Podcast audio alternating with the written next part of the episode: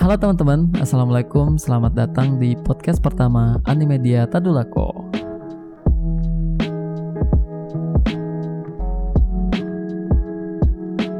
Bagaimana kabar teman-teman semua? Sehat? Alhamdulillah kalau sehat, jangan lupa bersyukur kepada Allah sudah diberi banyak nikmat kesehatan. Kalau kurang sehat, semoga cepat sehat dan sakitnya bisa menjadi sarana penghapus dosa buat teman-teman semua. Insya Allah ya, amin. Tetap di rumah aja, beraktivitas di rumah, produktif di rumah, dan kalau memang nggak ada hal yang benar-benar penting, jangan keluar rumah agar kita tidak menjadi kontributor dalam penyebaran virus SARS-CoV-2 atau penyakit COVID-19. Karena penyebaran ini sangat mudah dan sangat cepat, sehingga eh, kita harus membantu pemerintah dalam mencegah penyebaran pandemi ini. Dan kita berharap semoga pandemi ini segera berlalu dan kita bisa beribadah dan juga beraktivitas kembali tentunya seperti sedia kala. Oh ya teman-teman, ada banyak hal yang bisa teman-teman lakukan dari rumah.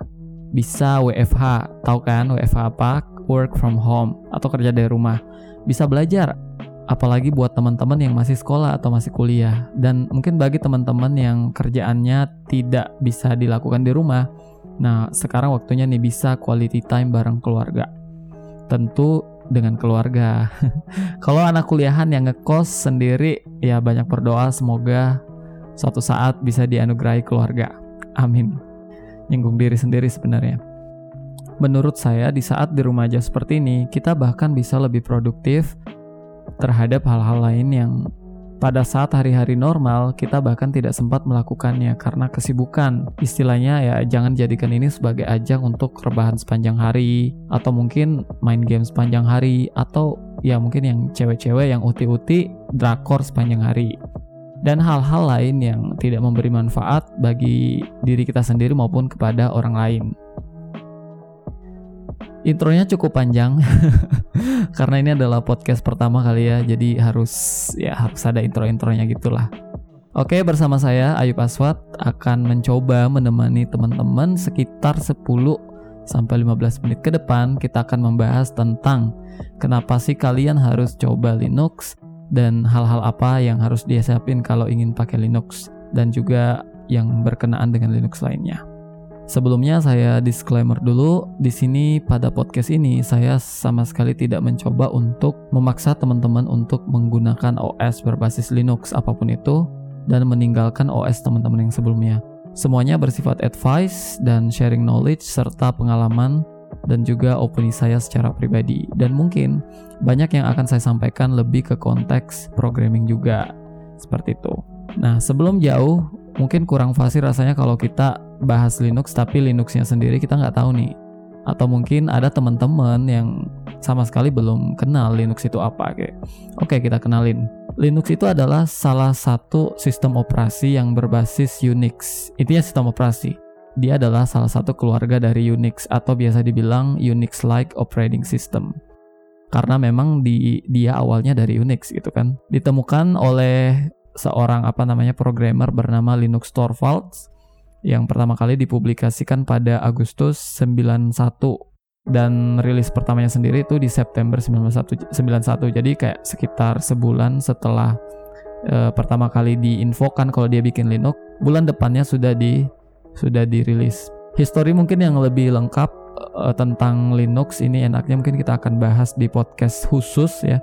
Dan di sini kita cuma fokus aja di kenapa kalian harus coba Linux gitu Adapun beberapa alasan yang bisa teman-teman jadikan alasan kenapa harus pakai Linux, at Linux atau at least coba Linux. Yang pertama adalah open source. Linux totally open source, bisa kita melihat codingnya, bisa kontribusi ke Linuxnya sendiri adalah nilai plus buat kita. Mungkin banyak yang nggak peduli sih, maksudnya kenapa sih saya harus pakai open source segala gitu. Saya kan cuma mau tahu pakai aja gitu, nggak peduli mau kontrib mau nggak gitu begini teman-teman, saya coba coba bayangin gini, kalian pakai OS nih misalnya, terus kalian dapat bug atau mungkin ada sesuatu yang kurang enak dengan OS-nya.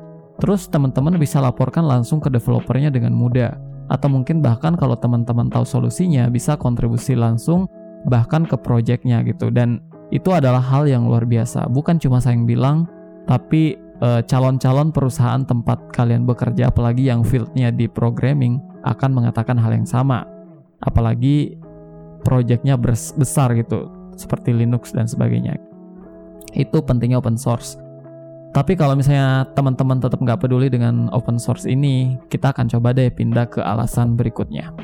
Katakan no pada antivirus. Yep itu dia aman. Jadi itu adalah alasan kedua kenapa kan teman-teman harus coba Linux Meskipun kita tahu tidak ada sistem yang 100% aman, tapi Linux ini secara natural atau secara arsitektur sudah dirancang dengan kuat untuk membuatnya lebih aman dan juga resisten dibandingkan Windows. Dan salah satu yang membuatnya kuat adalah model file permission yang diterapkannya. Kalau teman-teman pernah dengar soal ransomware, yaitu virus yang mengenkripsi semua file-file yang ada dalam harddisk kita, dan kalau mau direcover filenya harus bayar dulu dan itu kasusnya terjadi pada pengguna Windows. Sehingga untuk jaga-jaga harus beli antivirus atau membeli patch antivirus sehingga bisa menghalau si ransomware. Dan itu nggak murah. Nah pertanyaannya, apakah teman-teman pernah mendengar ini terjadi pada, sama pengguna Linux? Selain arsitekturnya yang kuat, secara natural tanpa harus install antivirus, beberapa artikel yang saya baca juga eh, bahwa pembuat virus ganas seperti ransomware kebanyakan hanya menarget pengguna Windows Salah satu alasannya adalah karena market share-nya Windows ini luas gitu. Dan juga kalau ingin masuk ke Linux itu harus apa melalui proses yang rumit seperti menghack.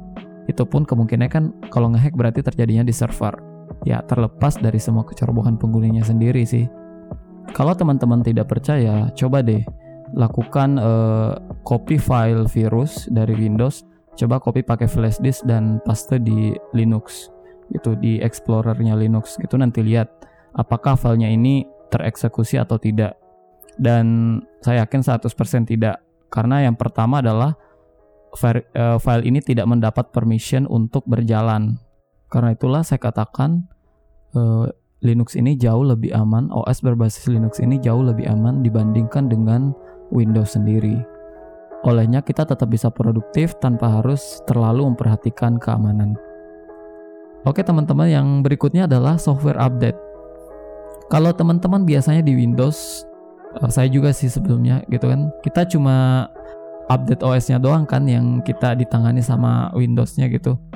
Adapun kalau update aplikasi ataupun program tertentu, kan biasanya kita harus uh, download dulu kan di browser atau mungkin nanti di aplikasinya itu ada kayak notif gitu. Oh, ini ada update. Terus terus kayak kita cek kita klik update-nya itu terus nanti kita diarahin ke browser gitu.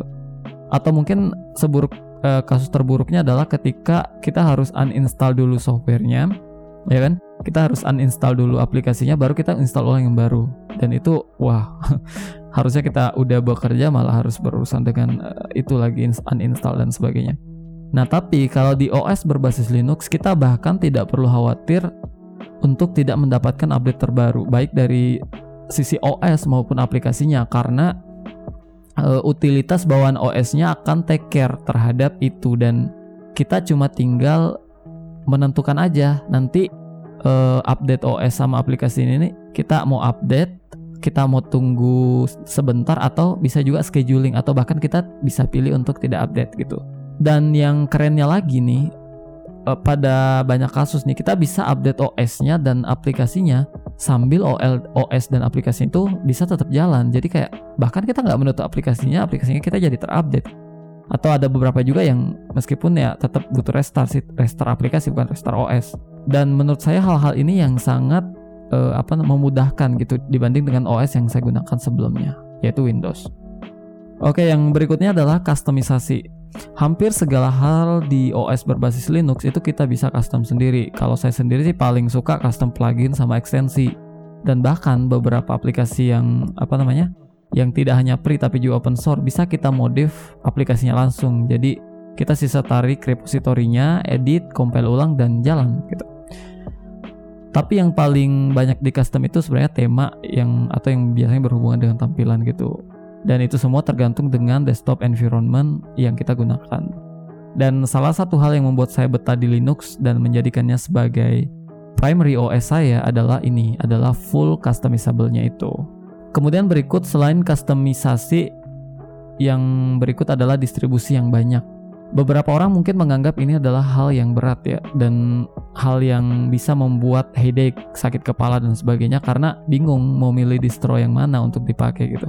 Namun menurut saya dan beberapa artikel yang saya baca juga ini bahkan bisa jadi kelebihan gitu. Karena kita bisa memilih distribusi OS Linux sesuai dengan kebutuhan kita atau apa yang kita sering pakai.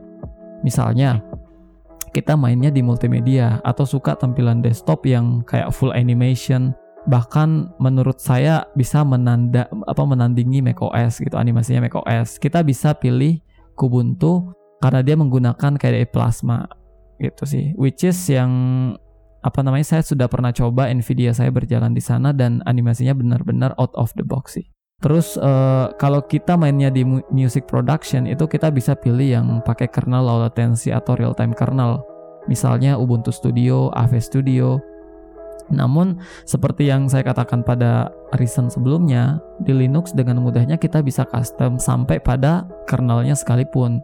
Bahkan bisa dibilang hassle free atau tanpa khawatir gitu. Misalnya kita installnya Manjaro atau Ubuntu gitu. Itu kan by default dia kan pakai kernel yang umum kan atau generic kernel. Namun kita tetap bisa custom agar bisa dipakai untuk audio production. Kita tetap bisa install uh, apa namanya real time kernel di situ. Jadi betul-betul full custom. Meskipun nggak pakai yang memang kayak Ubuntu Studio kan bawaannya memang udah uh, real time kernel.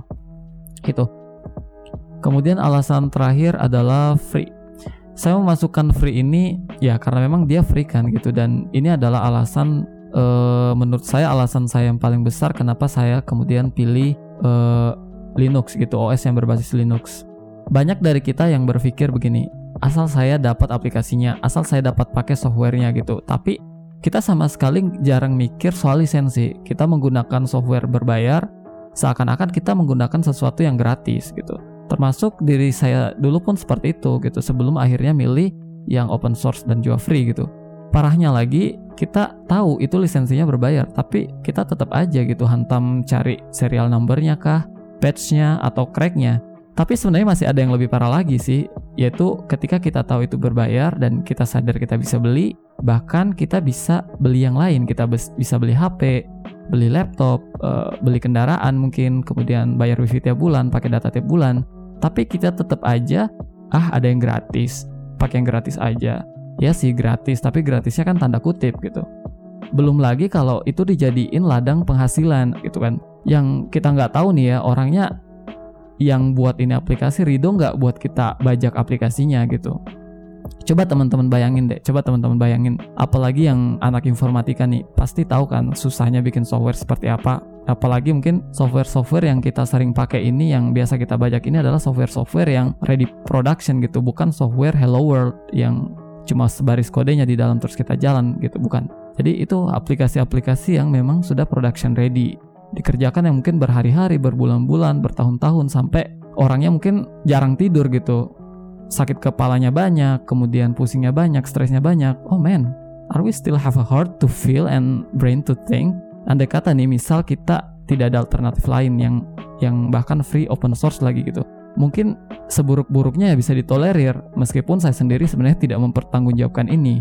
Istilahnya yang kita tahu adalah ketika kita ingin menggunakan sesuatu yang berbayar ya kita harus berusaha dulu kan cari uang dulu baru bisa kita beli gitu coba saya coba mengajak nih teman-teman uh, termasuk diri saya sendiri self self reminder gitu. Yuk kita mulai berinvest gitu untuk diri kita sendiri pada sesuatu yang mungkin sifatnya soft. Karena apa mindset kita selama ini yang tertanam kita cuma mau mengeluarkan uang untuk sesuatu yang sifatnya fisik gitu ya atau yang bisa dilihat. Dan kalau yang sifatnya soft gitu sesuatu yang software aplikasi yang kita nggak bisa raba kita nggak bisa lihat itu kayak kayak gimana ya kita setengah mati sekali untuk keluarkan uang gitu atau kalau enggak ya kita bisa coba uh, yang gratis aja dulu dan ya kembali lagi semuanya belum terlambat tentu ya teman-teman kita masih punya change kita masih punya waktu untuk berubah selama kita masih hidup so ya jangan tunggu ajal datang baru mau berubah gitu Ya mungkin itu aja yang bisa kita jadiin alasan. Ada beberapa alasan pendukung yang lain sih seperti uh, komunitas yang banyak, privasi dan lain-lain. Tapi saya rasa poin-poin yang paling penting yang saya sudah jelaskan tadi di atas. Nah terus kita masuk ke Q&A. Di sini ada beberapa pertanyaan dari teman-teman di Animedia. Mungkin teman-teman juga bisa terwakili pertanyaannya. Yang pertama, kalau untuk pakai Linux hal apa aja yang harus disiapkan? Karena saya lihat versi Linux ini ada banyak dan versi mana yang paling cocok untuk perkuliahan. Jadi kalau untuk install Linux sendiri itu sama aja sih dengan install-install OS yang lainnya, sama aja kayak Windows gitu. Yang perlu pasti harus ada laptopnya ada flash disknya gitu. Kemudian kalau untuk software uh, bisa pakai Rufus untuk buat USB bootable-nya, kemudian uh, downloadan uh, distronya, distro Linux-nya, kemudian itu aja sih sebenarnya. Sama kayak install Windows. Kemudian terus versi mana yang paling cocok untuk perkuliahan? Mungkin maksudnya distro mana yang cocok untuk perkuliahan karena kalau untuk versi sendiri sekarang Linux baru di versi 5.x nggak tahu 5 titik berapa tapi 5 lebih. Kalau untuk distro yang cocok itu tergantung lagi kita fieldnya di mana. Jadi kalau misalnya uh, anggaplah di sini saya ambil perkuliahan secara umum. Itu saya anggap seperti kebutuhan office atau dokumen gitu kan. Saya sarankan untuk mencoba Ubuntu sih. Karena uh, selama ini kayak rata-rata aplikasi yang berhubungan dengan dokumen yang selama ini saya cari selalu ada distribusi yang disediakan untuk uh, package manajernya Ubuntu. Nah, kalau untuk feel di programming atau informatika, saya rasa kayak semua Linux cocok sih sebenarnya.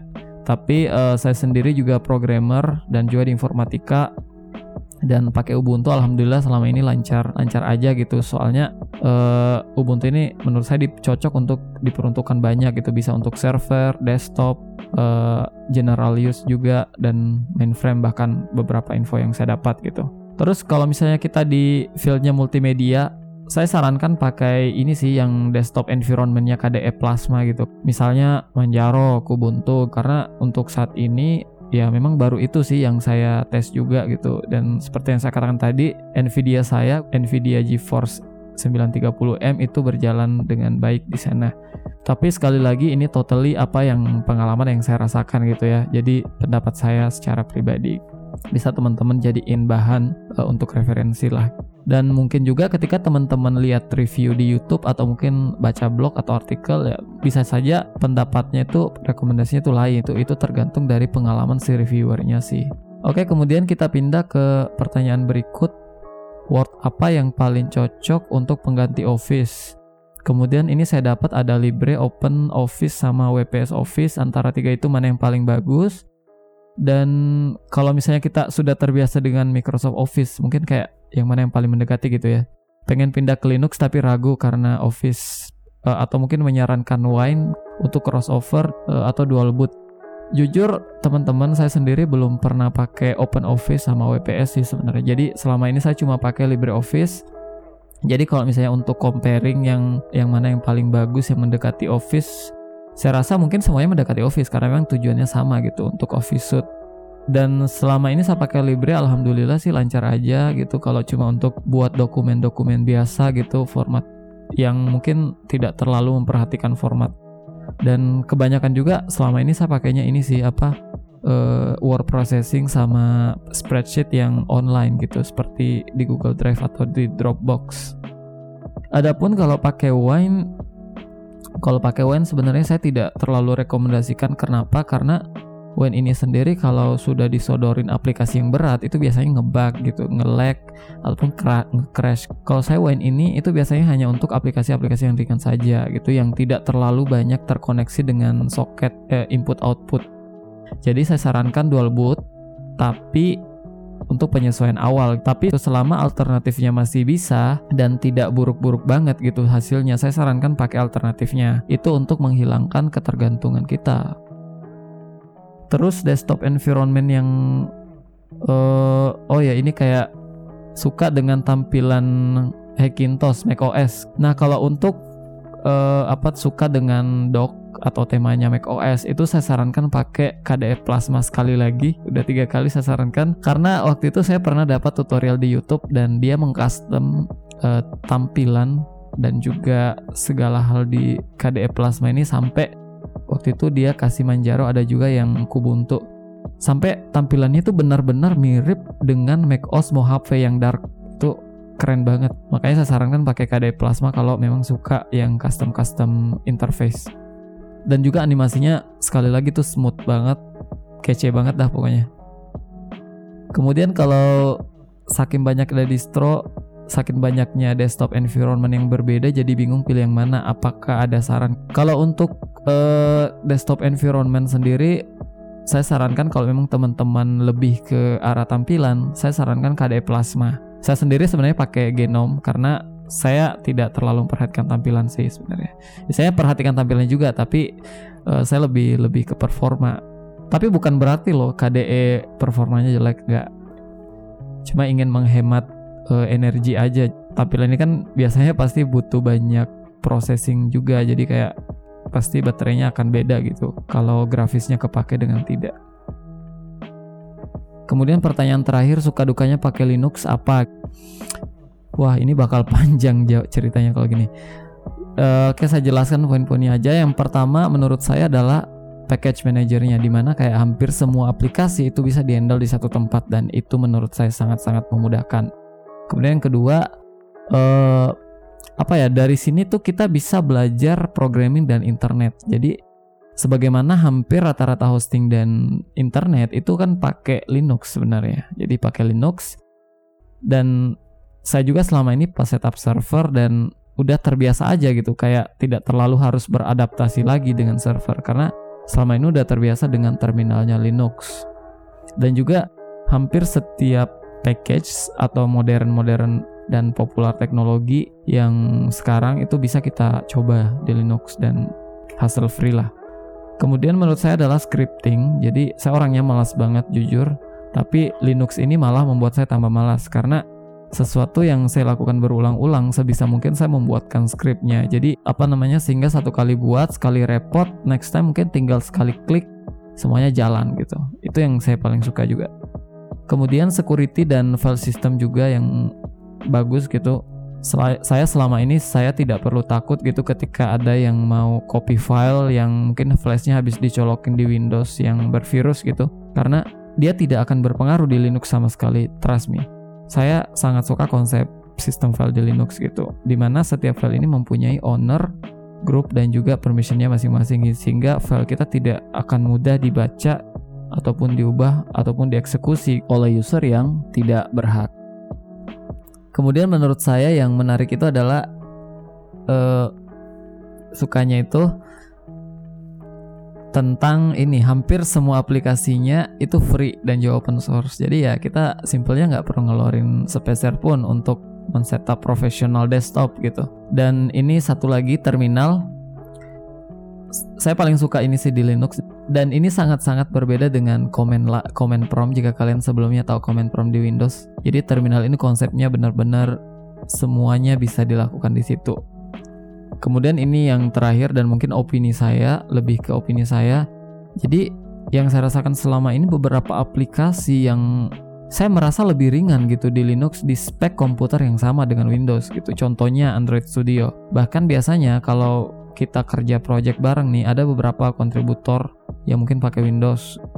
Biasanya mereka harus menyesuaikan dengan menginstal dan menjalankan Docker, which is Docker ini nggak itu kontainer yang isinya Linux gitu. Jadi kayak dia untuk uh, bisa menyesuaikan dia harus menginstal Docker dan Docker ini nggak ringan, apalagi kalau spek PC kita misalnya kurang mumpuni. Kemudian untuk dukanya sendiri, nah ini saya cerita sedikit. Jadi waktu itu awal-awal pakai Ubuntu itu saya kesulitan mencari screen recorder. Kan sebelumnya kalau di Windows tuh kayak ada saya pakainya Camtasia yang saya bajak gitu. Karena kan saya pakai display server bawaannya Ubuntu ya 1804 yaitu Wayland dan namun di di pasaran atau di yang tersebar itu kayak rata-rata hanya mendukung XOR. Kalau nggak tahu XOR ini adalah display server. Jadi gini di OS itu kan ada namanya display server. Dia yang memperantarai GUI dengan apa GUI dengan kernel OS-nya dan setelah saya cari ke sana kemari akhirnya berujung kecewa gitu karena tidak ketemu. Akhirnya ya saya rasa ini adalah hal yang buruk dan saya mencoba melempar pertanyaan pertama kali waktu itu di forum Ask Ubuntu yang mana adalah subforum dari Stack Overflow. Dan alhasil tidak lama setelah bertanya ada yang jawab gitu dan dia memberi saran sebuah aplikasi yang bernama Green Recorder dia pun yang jawab itu sebenarnya bilang gitu bahwa apa waktu itu ya? Dia bilang kalau dia sendiri belum pernah coba aplikasinya. Akhirnya ya saya coba gitu. Sayangnya pas saya tes sekali lagi ini bikin kecewa aplikasinya itu tidak support untuk simpan MP4 jadi cuma support WebM dan juga kita nggak bisa mengcustom area mana yang mau kita reka, rekam gitu. Jadi dia tuh dia merekam satu layar full. Ya akhirnya mau gimana lagi? Karena kebutuhan akhirnya saya pakai aja waktu itu. Tapi setelah itu saya mulai belajar gitu. Ada yang apa yang seru. Saya coba buka projectnya di GitHub kemudian saya tarik. Kebetulan projectnya open source dan iseng. Saya saya coba custom tambahkan save mp4 gitu. Dan di situ saya pakai package pendukung yang namanya FFmpeg dan juga saya menambah mengaktifkan uh, itu areanya. Jadi sudah bisa pilih area. Karena kebetulan uh, projectnya juga bisa saya ubah gitu karena pakai Python. Nah di sini sebenarnya ini duka pada awalnya. Tapi dari sini saya merasa senang karena di sini saya bisa belajar. Dan kita bisa mengambil kesimpulan bahwa justru dari sesuatu yang tidak sempurna kita bisa belajar. Setelah pertanyaan pertama itu pun saya mulai kemudian berinteraksi dengan forum. Jadi mulai bertanya hal-hal yang lain, kemudian mulai membantu menjawab teman-teman juga yang bertanya di forum. Jadi gitu. Nah, terus sekarang apa nih? Jadi gini, ini final words ya. Setidaknya ada tiga tipe orang yang pindah ke Linux. Yang pertama, orangnya sebenarnya masih suka fitur Windows dengan semua jajaran aplikasinya karena mungkin memang kebutuhannya di situ kan. Namun tidak punya uang untuk membeli atau mungkin tidak ingin keluar uang untuk lisensi dan dia juga tidak ingin membajak program. Dan ini bukan cuma Windows-nya loh yang saya maksudkan karena rata-rata aplikasi yang orang pakai di Windows biasanya nggak gratis. Contoh Office, IDM, Photoshop, Illustrator, dan juga jajaran Adobe CC dan CS yang lain, WinRAR, Bitdefender, Avast, FL Studio, Vegas Pro, AutoCAD, Camtasia, Cinema 4D, Video Copilot, dan juga jajaran plugin After Effects dan Premiere Pro yang lain. Itu belum lagi template Photoshop, video yang dipakai itu adalah versi node dari Video Hive, Audio Jungle, Graphics Driver, dan lain-lain. Adapun tipe kedua orang yang pindah karena dia merasa fitur Linux ini lebih baik dan bagus daripada Windows. Dan kalau yang kedua ini mungkin lebih cenderung ke programming sih biasanya. Dan tipe yang terakhir adalah orang yang memang peduli dengan open source dan ingin memajukan software-software yang sifatnya open source. Saya pun uh, jujur teman-teman ini cerita lagi sedikit. Saya awalnya itu adalah tipe yang pertama. Jadi saya juga adalah tipe yang pertama saya takut apa yang saya lakukan selama ini tidak bisa saya lakukan lagi di Linux. Saya takut tidak produktif lagi. Rasa takut itu selalu ada, bahkan saat kita belum pernah coba gitu. Awalnya saya install Linux itu karena mau belajar ngehack. Itu terjadi beberapa tahun silam, sekitar tahun 2015. Makanya waktu itu saya installnya apa? Saya installnya Backtrack 5 R3. Itu pun waktu itu dual boot. Dan waktu itu saya pernah coba ngehack juga, tapi nggak berhasil. Jadi ya ngehack itu nggak semudah yang kita bayangkan sebenarnya. Oke, karena useless, akhirnya uh, saya install, uh, uninstall gitu. Karena memang uh, niatnya kan cuma ingin ngehack tapi nggak bisa. Singkat cerita beberapa tahun berlalu dan selama beberapa tahun itu saya juga pernah melakukan dual boot dengan Hackintosh kurang lebih 2 tahun. Akhirnya tepatnya tanggal 25 Maret 2018, uh, kayak apa juga ya, sejarah kali Akhirnya tanggal 25 Maret 2018 Hackintosh saya bermasalah. Setiap mau boot dia stuck dan waktu itu saya nyerah memperbaikinya karena sudah sering banget diperbaiki. Dan rencana saya sudah mau fokus gunakan Ubuntu waktu itu pertama kali. Sebelumnya sebenarnya pernah untuk praktikum tapi waktu itu belum ada niat sama sekali untuk uh, mau menggunakan Ubuntu. Lalu itu juga diinstalnya sebenarnya cuma di VirtualBox. Ah, besoknya kemudian saya langsung buat USB bootable-nya di Windows karena waktu itu masih dual boot dan akhirnya berhasil install dan masuk ke Ubuntu. Setelah itu kayak saya lebih sering belajar dan menghabiskan waktu dengan Ubuntu menginstal aplikasi ataupun sekedar kustomisasi dan saya mulai coba beradaptasi dengan fitur-fitur dan interface-nya. Tapi waktu itu saya belum berani, saya belum berani hapus Windows kala itu seperti yang teman-teman tebak karena selalu ada rasa takut kalau-kalau saya masih punya kebutuhan di sana. Tapi karena mungkin memang niatnya sudah mau pakai Ubuntu, jadi selama masih ada alternatif di Ubuntu, saya memang tidak tidak melakukannya lagi di Windows. Jadi sebisa mungkin uh, saya gunakan alternatif meskipun fiturnya belum semaksimal yang di Windows. Kemudian ya karena sudah keseringan dan terbiasa di Linux dalam hal ini saya pakai Ubuntu akhirnya saya merasa banyak fitur-fitur fitur-fitur di Linux yang saya rasa lebih lebih outperform ya lebih bagus dari Windows. Meskipun nggak semua kita tahu lah ya pasti tiap OS nggak sempurna. Dan semakin kemari di si di situasi itu saya merasa kayak kita saya sudah mulai masuk ke tipe orang yang kedua di mana saya pakai Linux itu karena memang saya merasa ada fitur yang lebih bagus dari Windows. Dan di pertengahan Mei 2018 saya mereplace hard disk saya dengan SSD sekaligus waktu itu saya clone partisinya. Jadi ini bagusnya Linux juga. Jadi partisinya si Linux saya clone mentah-mentah ke SSD gitu. Dan waktu itu saya sudah mencopot uh, partisi Windowsnya. Jadi setelah setahun berlalu pakai Ubuntu habis itu baru benar-benar tidak ada dual boot lagi gitu. Dan uh, sampai podcast ini dibuat saya pun masih menggunakan Ubuntu tersebut. Dan semakin peduli dengan open source. Kayak ada keinginan gitu untuk uh, memajukan open source. Dan kalau teman-teman perhatikan kan saya bilang tadi ada tiga tipe. Jadi lama kelamaan kita kayak masuk ke tipe yang ketiga yaitu kayak sudah mulai peduli dengan open source. Teman-teman perlu perhatikan bahwa intinya kalau misalnya teman-teman mau pindah, mungkin pikiran teman-teman saya sama seperti saya sebelumnya. Saya menyarankan coba aja dulu. Saya pun begitu awalnya, saya coba aja dulu, hajar aja dulu.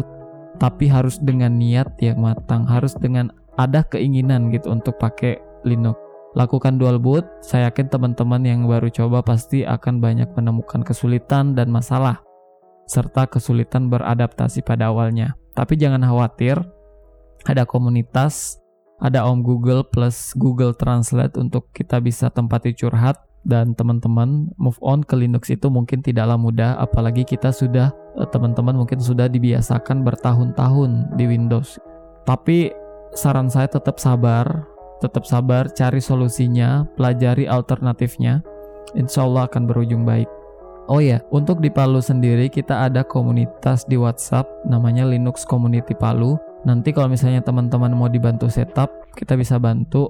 Nanti bisa apa namanya bisa minta saran sama rekomendasi aplikasi juga di sana. Kalau ada masalah bisa bertanya. Eh, teman-teman nanti kalau mau join bisa japri aja ke Instagram @animediatadulako. Nanti eh, dikasih link untuk join. Oh ya teman-teman, itu aja podcast dari saya. Yang bagusnya diambil, yang tidak bagusnya mohon maaf jangan diambil. Sekali lagi saya tidak mencoba merubah mindset teman-teman untuk menjadi Linux person ataupun open source person. Yang saya lakukan adalah merubah mindset yang tidak baik yaitu menggunakan pirated software dan dengan mengutarakan bahwa ada loh alternatif uh, yang juga powerful dan kita tetap bisa produktif di sana serta juga uh, mencoba merubah pemikiran-pemikiran kita yang mungkin selama ini menganggap Linux ini nggak bisa ngapa-ngapain atau mungkin e, merusak produktivitas kita. Ya itu aja teman-teman, thank you banget udah mau mendengarkan podcast saya dan nantikan podcast-podcast Animedia Tadulako berikutnya. Jangan lupa juga follow Instagramnya at Animedia Tadulako karena akan ada podcast-podcast dengan topik-topik yang tak kalah keren dan tak kalah menarik dari podcast kali ini. Saya Ayub Aswad dan wassalam. Bye.